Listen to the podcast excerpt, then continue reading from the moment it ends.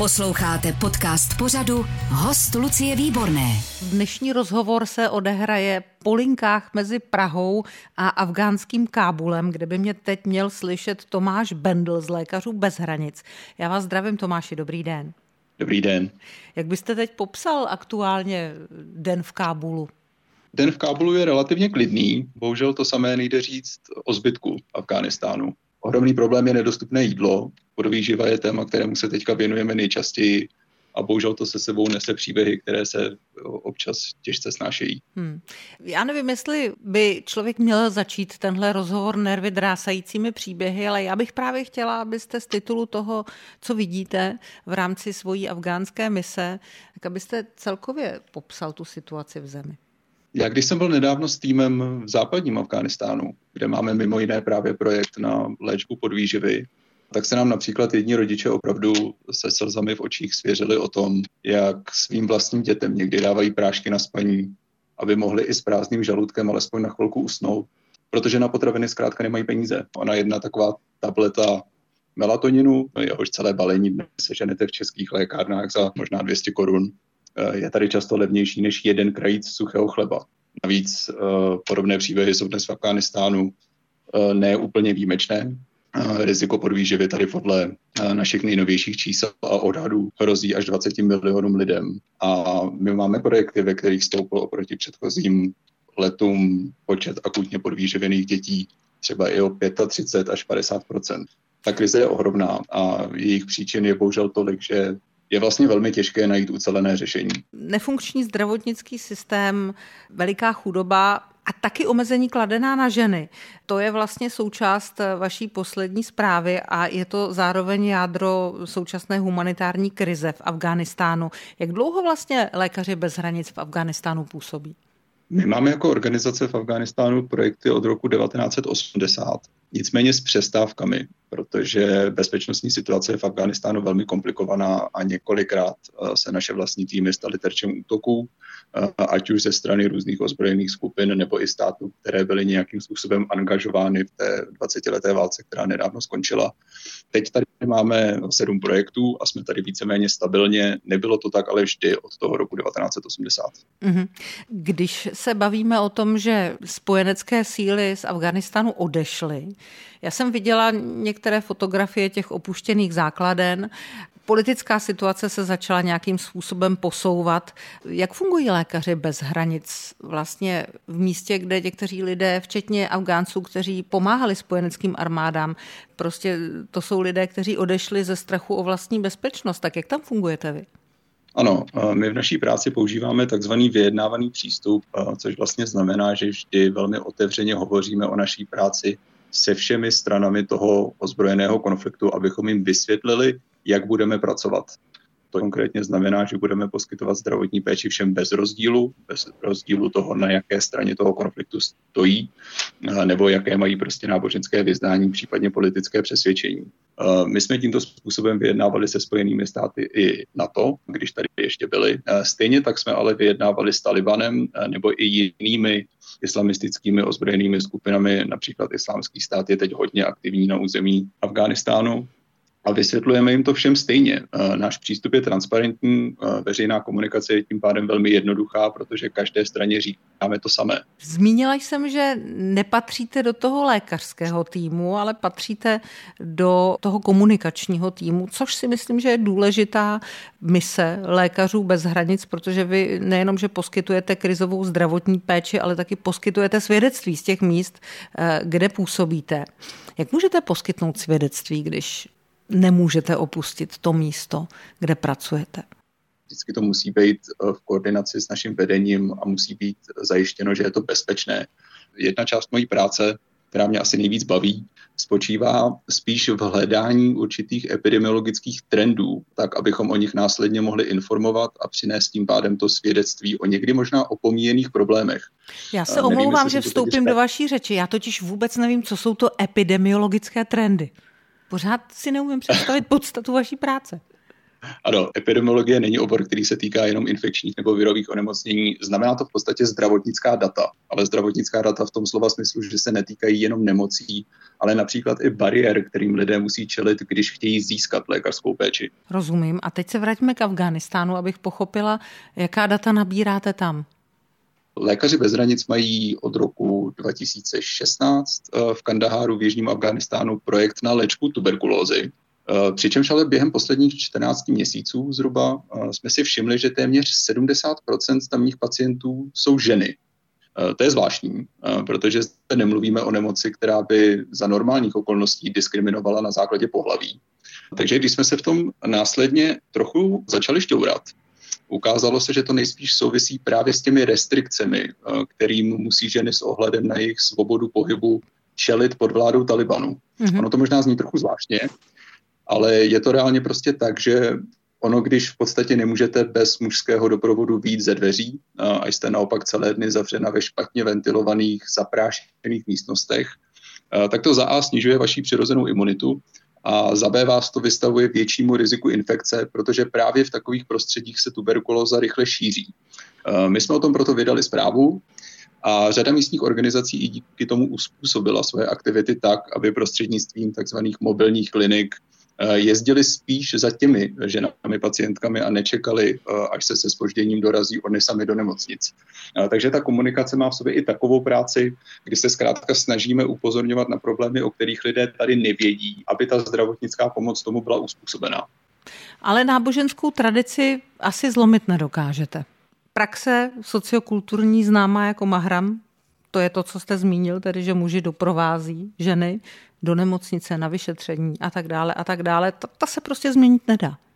Ano, eh, přesně tak. Nevím, jestli se to nedá změnit, rozhodně není v naší moci jako zdravotnické organizace to změnit. Eh, my musíme fungovat v parametrech toho, jak zdejší společnost funguje, eh, řídit se zdejšími zákony. Pracujeme takhle v každé zemi, kdekoliv na světě, kde máme projekty. A byť si o tom samozřejmě jako lidé, jako jednotlivci můžeme myslet ledacos, tak legislativní rámec Afghánistánu měnit nemůžeme.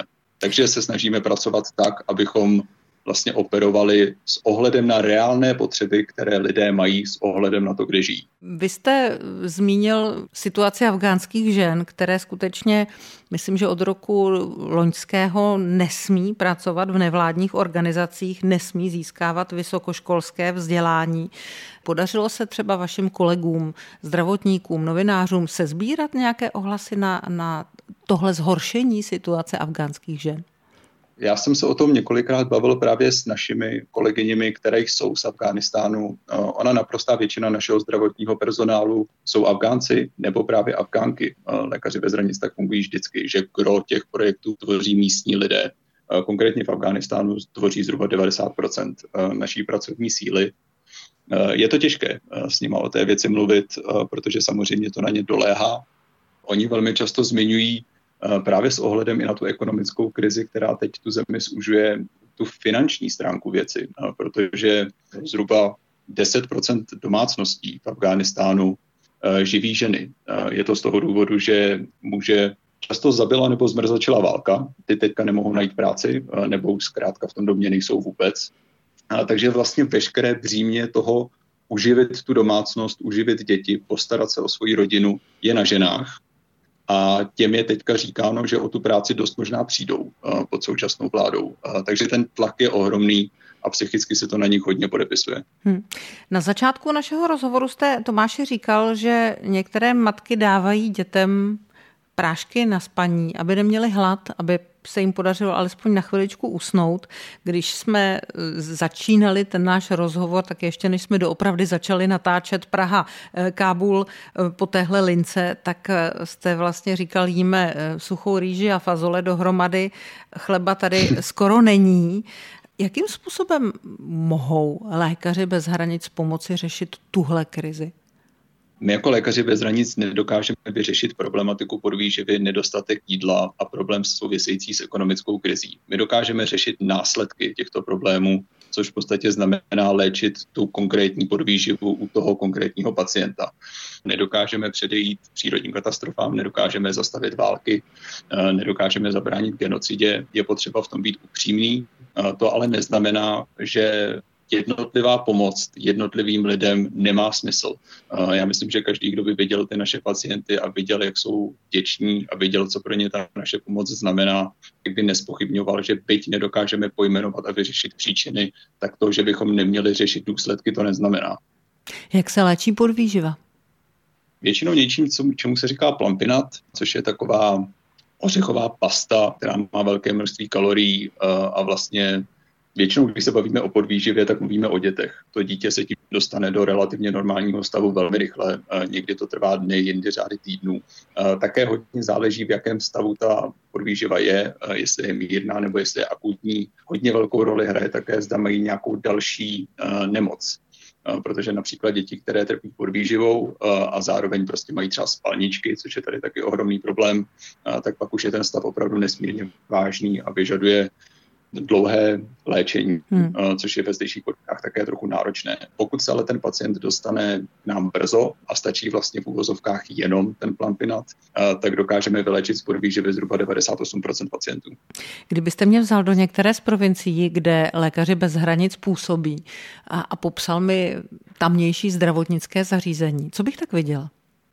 Mám-li být úplně upřímný, tak kdybych vám měl popsat zdravotnické zařízení, tak vám nepíšu nic, protože velmi často my ty projekty otevíráme tam, kde nic jiného není. Což je bohužel častý problém teď v Afghánistánu. Uh, jinak ale máme nějaké aktivity například v nemocnicích, uh, které spravuje místní ministerstvo pro veřejné zdraví, uh, jak oni tomu říkají. To znamená ve státních a nemocnicích. Je to, ano, přesně tak. A je to velmi jednoduché. Nepředstavujte si vůbec místnosti, Eh, ve kterých jsou nějaké složité přístroje eh, nebo ve kterých, ve kterých je nějaké složité zdravotnické vybavení. Jsou to v podstatě haly, eh, kde jsou prostě velká lůžková oddělení, tam, kde to je možné, tak operační sály, podle mě většina lidí, když se jako třeba představí pojem polní nemocnice, tak něco takového to hodně přibližuje tomu, jak to tady vypadá. No a vy jste říkal, že lékaři bez hranic v Afganistánu konkrétně působí tam, kde žádná nemocnice není. To znamená, vy si pronajmete nějakou místnost nebo dvě místnosti nebo nějaký kus nějakého domu a tam vlastně ti lidé za vámi chodí? Ne, ne, ne. Ty nemocnice, které jsou pod vedením lékařů bez hranic, což znamená, že jsme je i postavili, jsou normálně kamenné budovy, které my jsme tady prostě postavili. Mm-hmm. Uh, to jsou jako normálně vypadající nemocnice, které jsou někdy doplněné uh, o různé přídavky, které třeba mohou být uh, stany, když je nějaká velká epidemie spalniček a je potřeba narychlo navýšit kapacity nebo něco podobného. Jinak to jsou ale opravdu normální budovy. Posloucháte podcast Host Lucie Výborné. Po lince Praha Kábul mluvím s vedoucím komunikace organizace Lékaři bez hranic Tomášem Bendlem. Eh, Tomáše, jak dlouho trvá vaše mise v Afghánistánu? Já jsem tady zatím něco přes půl roku, celkově tady mám být 9 měsíců. To znamená, musíte se smířit s tím, že 9 měsíců budete chodit jenom po jedné nebo dvou známých cestách, budete jíst rýži a fazole, Občas vás nějaký ozbrojený doprovod nebo nějaký doprovod označený zaveze na působení lékařů bez hranic do jiných provincií. Je to tak? Ano, já už jsem se s tím smířil, to je v pohodě. ono to ostatně nebylo ani jinak. ono to ostatně nebylo ani jinak, když jsem byl třeba na misi v Jižním Sudánu nebo na začátku války na Ukrajině, když jsem tam pracoval. Tohle je poměrně běžný standard v projektech lékařů bez hranic. Já si nemyslím, že je tím mise v Afghánistánu nějak výjimečná. Ale vy si nemůžete vybírat. Vy jste se upsal lékařům bez hranic, té nejlepší vůli a vlastně to, kam pojedete, o tom rozhoduje vaše vedení. Je to tak? Já to můžu odmítnout. Když je nabídnuta nějaká mise, tak se na to můžete podívat a zhodnotit, jestli tohle je něco pro vás nebo ne. A můžete vždycky svobodně odmítnout. Ale není to tak, že byste si vybírala, kam chcete jet a podle toho vás ta organizace umístěvala. Ta práce v něčem, co by někteří lidé skutečně označovali za dobrovolné vězení, ta vám přináší co? Proč tam jste? Uh, mě to baví. Uh, já na to asi nemám komplikovanější odpověď. Uh, ono je možná taky potřeba si přiznat, já jsem od jak živa velmi líný člověk, uh, což se projevuje především mojí absolutní neochotou pracovat na věcech, které mi přijdou nezajímavé nebo nedůležité. Uh-huh. Naštěstí nic takového lékaři bez hranic, pokud vím, nedělají. Ta práce je nesmírně zajímavá, v mnoha ohledech bych se dovolil říct, je fascinující a mě to zkrátka baví. Co je fascinujícího na bídě, na lidském neštěstí, na tom, že člověk musí přijímat svět takový, jaký je? Neřekl bych, že je cokoliv fascinujícího na bídě, ale je pro mě například fascinující vidět, s jakým odhodláním se lidé z celého světa snaží místním pomoct. A dokonce i samotní Afgánci, jak, jak se snaží si navzájem pomáhat. Prostě samozřejmě, že když vidíte podvyživené dítě, ten pohled je hrozný. Nicméně, co není hrozné, jsou ty zdravotníci, kteří každý den prostě bez ohledu na nějakou pracovní dobu, bez ohledu na své vlastní pohodlí, bez ohledu na svůj soukromý život, dělají v nesmírně těžkých, nebezpečných podmínkách naprosté maximum pro to, aby tomu dítěti pomohli. Pro mě je takové prostředí inspirativní a je pro mě štěstí, že takových týmů mohou být součástí. Takže se dá říct, že jste nalezl nějaký smysl? Eh, já v naší práci vidím ohromný smysl, ale jak jsem taky říkal na začátku, já se trochu zdráhám používat takové jako uh, honosné pojmy, protože vlastně sám přesně nevím, co si pod tím představit. Mm-hmm. Mě prostě baví ta práce, kterou děláme. Eh, mě baví být toho součástí a rád sleduju, co se kolem mě děje a jsem rád součástí týmu, které mají takovou energii eh, pomáhat druhým. Eh, spíš takhle bych to asi řekl. Mým hostem byla doktorka Kristina Hešlová, která také pracuje pro Lékaře bez hranic. Myslím, že po dvou misích byla u mě ve studiu. Dokážete popsat ty lidi, kteří se upíší lékařům bez hranic a pak jezdí mezi Jemenem, Ukrajinou, Afganistánem a jinými zeměmi, kde lékaři bez hranic působí? Co to je za lidi? Já. Co mají společného? Uh, co mají společného? Myslím, že ty lidi asi mají společnou určitou dobrodružnou povahu. Bez toho to nejde. Troufnul bych si neskromně říct, že taky musí být hodně pracovití, protože ne každý dokáže na těch misích, které někdy trvají prostě několik měsíců za sebou, pracovat 14 hodin denně, víceméně bez přestávky. To asi taky vyžaduje určitý druh charakteru. Eh, určitě je nesmírně důležitý a to má možná dokonce opravdu každý člen lékařů bez hranic uh, smysl pro humor, uh, protože bez toho byste se tady zbláznila. Takže pokud je člověk pracovitý, má dobrodružnou povahu a dokáže se sám sobě a někdy i věcem kolem, byť nejsou úplně šťastné, zasmát, to bych považoval za takový dobrý začátek, proto si myslet, že možná k lékařům bez hranic patřím. Řekněte, nebo vyprávějte jeden příběh, který si myslíte, že bychom měli všichni slyšet. Mně osobně se v paměti asi nejvíc zatím ukotvil ten, který už jsem říkal, o té rodině, která nám prostě v Perku vysvětlovala, jak dává svým vlastním dětem prášky na spaní, aby mohli usnout na prázdný žaludek. A to se mě opravdu dotklo. Já to možná nedokážu úplně odvyprávět tak, aby to mělo stejný efekt na posluchače, ono je to něco jiného, když s tou rodinou sedíte u stolu a oni vám to vyprávějí Uh, takže to je věc, uh, která mi tak uh, jako zůstala v hlavě. Velmi pro mě osobně náročné jsou potom taky některé rozhovory právě s těmi kolegyněmi, protože oni, když s nimi mluvíte, tak oni vám například poté, co řada jiných humanitárních a neziskových organizací musela odejít po převzetí Talibanem, tak se na vás vlastně dívají jako na člověka, po kterém chtějí, aby jim slíbil, že lékaři bez hranic neodejdou, že lékaři bez hranice v tom nenechají, my tady s vámi budeme na pořád, vždycky budete mít práci, chtějí nějaké ujištění v té době, která je extrémně nejistá pro ně. A já ze své pozice ale nemůžu nic takového říct. My prostě nedokážeme takové věci slíbit. My vždycky uděláme maximum pro to, abychom mohli zůstat a abychom mohli zdejším lidem pomáhat. Ale už se v minulosti stalo, že nám prostě vybombardovali nemocnici nebo že na nás proběhl nějaký útok, kvůli kterému jsme museli přerušit ty aktivity ze země odejít, začít vyjednávat znova, potom se třeba po čase vrátit. Takže nemůžete slibovat něco, co nedokážete stoprocentně dodržet.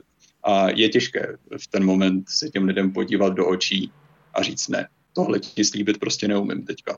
A je těžký potom pozorovat ten brek a je těžký potom pozorovat ten smutek to se na mě občas taky podepisuje. Když se bavíme o vašich kolegyních nebo o těch afgánských eh, kolegyních a rodinách, je naivní myslet si, že třeba se k ním dostanete na večeři nebo že se k ním dostanete do domácnosti, můžete tam posedět, dostanete čaj, uh, stolujete? To není naivní. Večeři už jsme hodněkrát dostali, eh, hlavně od mého komunikačního týmu, jsem já dostal, ale právě kvůli těm bezpečnostním protokolům eh, to není tak, že jako chodíme k ním eh, domů, mimo tu naší základnu lékařů bez hranic, ale oni nás prostě tak jako hostí někdy v té kanceláři, že prostě něco uvaří, pak to přinesou, pak si uděláme další oběd, bavíme se tak jako různě o životě, není to tak, že můžeme chodit k ním domů, eh, ale simulujeme tady ty pozvánky a tady to prostředí v parametrech, které nám jsou dostupné. Hmm. Je to tak, že pro vás pracují jaksi nadšeně a bez obav, že vlastně spolupracují s někým, kdo jim může přinést nějaké bezpečnostní problémy třeba? Eh, já jsem se i na tohle téma bavil s některými našimi afgánskými kolegy a kolegyněmi jedna věc, kterou oni často zmiňují, je, že se jim vlastně zamlouvá, jakým způsobem respektujeme místní kulturu, i když my jsme z cizího prostředí. Budeme-li se bavit konkrétně o ženách, my vlastně neaplikujeme žádné standardy na to, co mají nebo nemají nosit v našich projektech. Pokud někdo chce nosit burku, tak může, je to její výsostné právo, prostě každý by si měl mít možnost nosit na sobě, co chce. Pokud někdo nechce, tak nemusí. My nikomu jako nenařizujeme podobné věci a tu kulturu absolutně respektujeme. To není styl, kterým všechny mezinárodní organizace fungují a myslím si, že hodně tohle ti místní lidé oceňují. A máte zároveň pravdu, že někdy to pro ně může znamenat určité stigma a, a může to pro ně znamenat i určité nebezpečí. Jedna konkrétní kolegyně v naší porodnici mi třeba vyprávěla, že když byl COVID-19 a když tady probíhala pandemie a byla na vrcholu, tak rodina se s ním přestala bavit, protože ji vlastně zaškatulkovali jako tu která pracuje s těmi cizinci a ty cizinci sem přitáhli covid. A, a jednoho dne už se to dostalo i do takové fáze, e, že jí třeba nenechali vidět její vlastní děti, protože se báli, e, že je prostě nakazí e, nějakými nemocemi, které my jsme sem jako cizinci přitáhli. Někdy je to opravdu náročné a teď obzvlášť, vy jste to trochu zmiňovala na začátku, někteří lidé prostě pracovali pro západní organizace nebo západní vlády, potom převzal moc Taliban a ještě teď je ta nejistota pro ně o to větší. Teď se ještě bojí, co s nimi bude, protože ne všichni dokázali ze země utéct e, včas e, a mají strach. Já nemůžu říkat konkrétně, o koho se jedná, protože by to samozřejmě vystavilo nějaké lidi nebezpečí, ale tady ten celkový strach o tom, co jsem dělala dřív, nebo co jsem dělal dřív a jak se to propíše do toho, zda budu moc svobodně žít teď, je v Afghánistánu velký. Co děláte, abyste se v té kleci nezbláznil? Jestli žonglujete, zpíváte jo. si, hrajete na kytaru, na housle. Já dělám spoustu věcí, abych se nezbláznil. Uh, mám v telefonu fotky přítelkyně a našeho psa, to mi jako hodně pomáhá. Uh, máme na základně tělocvičnu, uh, takže občas chodíme cvičit. To jako je pro zdravý rozum nesmírně užitečná věc, jsem zjistil. Takže to je jedna věc, která pomáhá. Já si taky čtu, ne materiály lékařů bez hranic, eh, to už bych se jako opravdu zbláznil, ale potom, co skončí práce, tak prostě eh, nějaké knížky, které se zdravotnictvím ani s humanitární prací vůbec nějak nesouvisí. Eh, to jsou takové mechanismy, které mě tady pomáhají. Taky mám každý týden uh, hovor s naší uh, psycholožkou v Bruselu, která nám jako mezinárodním zaměstnancům lékařů bez hranic vždy pomáhá, abychom to jako zvládli a máme povinnost s ní každý týden hovořit. A ta má taky výborný smysl pro humor, takže to je taky super. Já vím, že Česká republika byla nesmírně štědrá ať už co se Ukrajiny týče, a nebo vlastně i směrem k lékařům bez hranic, protože v České republice je zhruba asi tak kolik, 70 tisíc dárců, kteří přispívají na dobrou věc právě lékařům bez hranic? Ano, eh, v České republice přesně tak, něco kolem 70 tisíc. Eh, myslím, že celosvětově jsme někde na čísle kolem 6,7 milionů dárců. A to jsou lidé, kteří financují vaší práci? Výhradně. Lékaři bez hranic nepřijímají žádné peníze od států nebo od veřejných mezinárodních institucí, ale právě jenom od soukromých dárců, od individuálních lidí. Eh, je to právě pro zajištění naší neutrality, eh, protože Afghánistán je vlastně velmi dobrý příklad.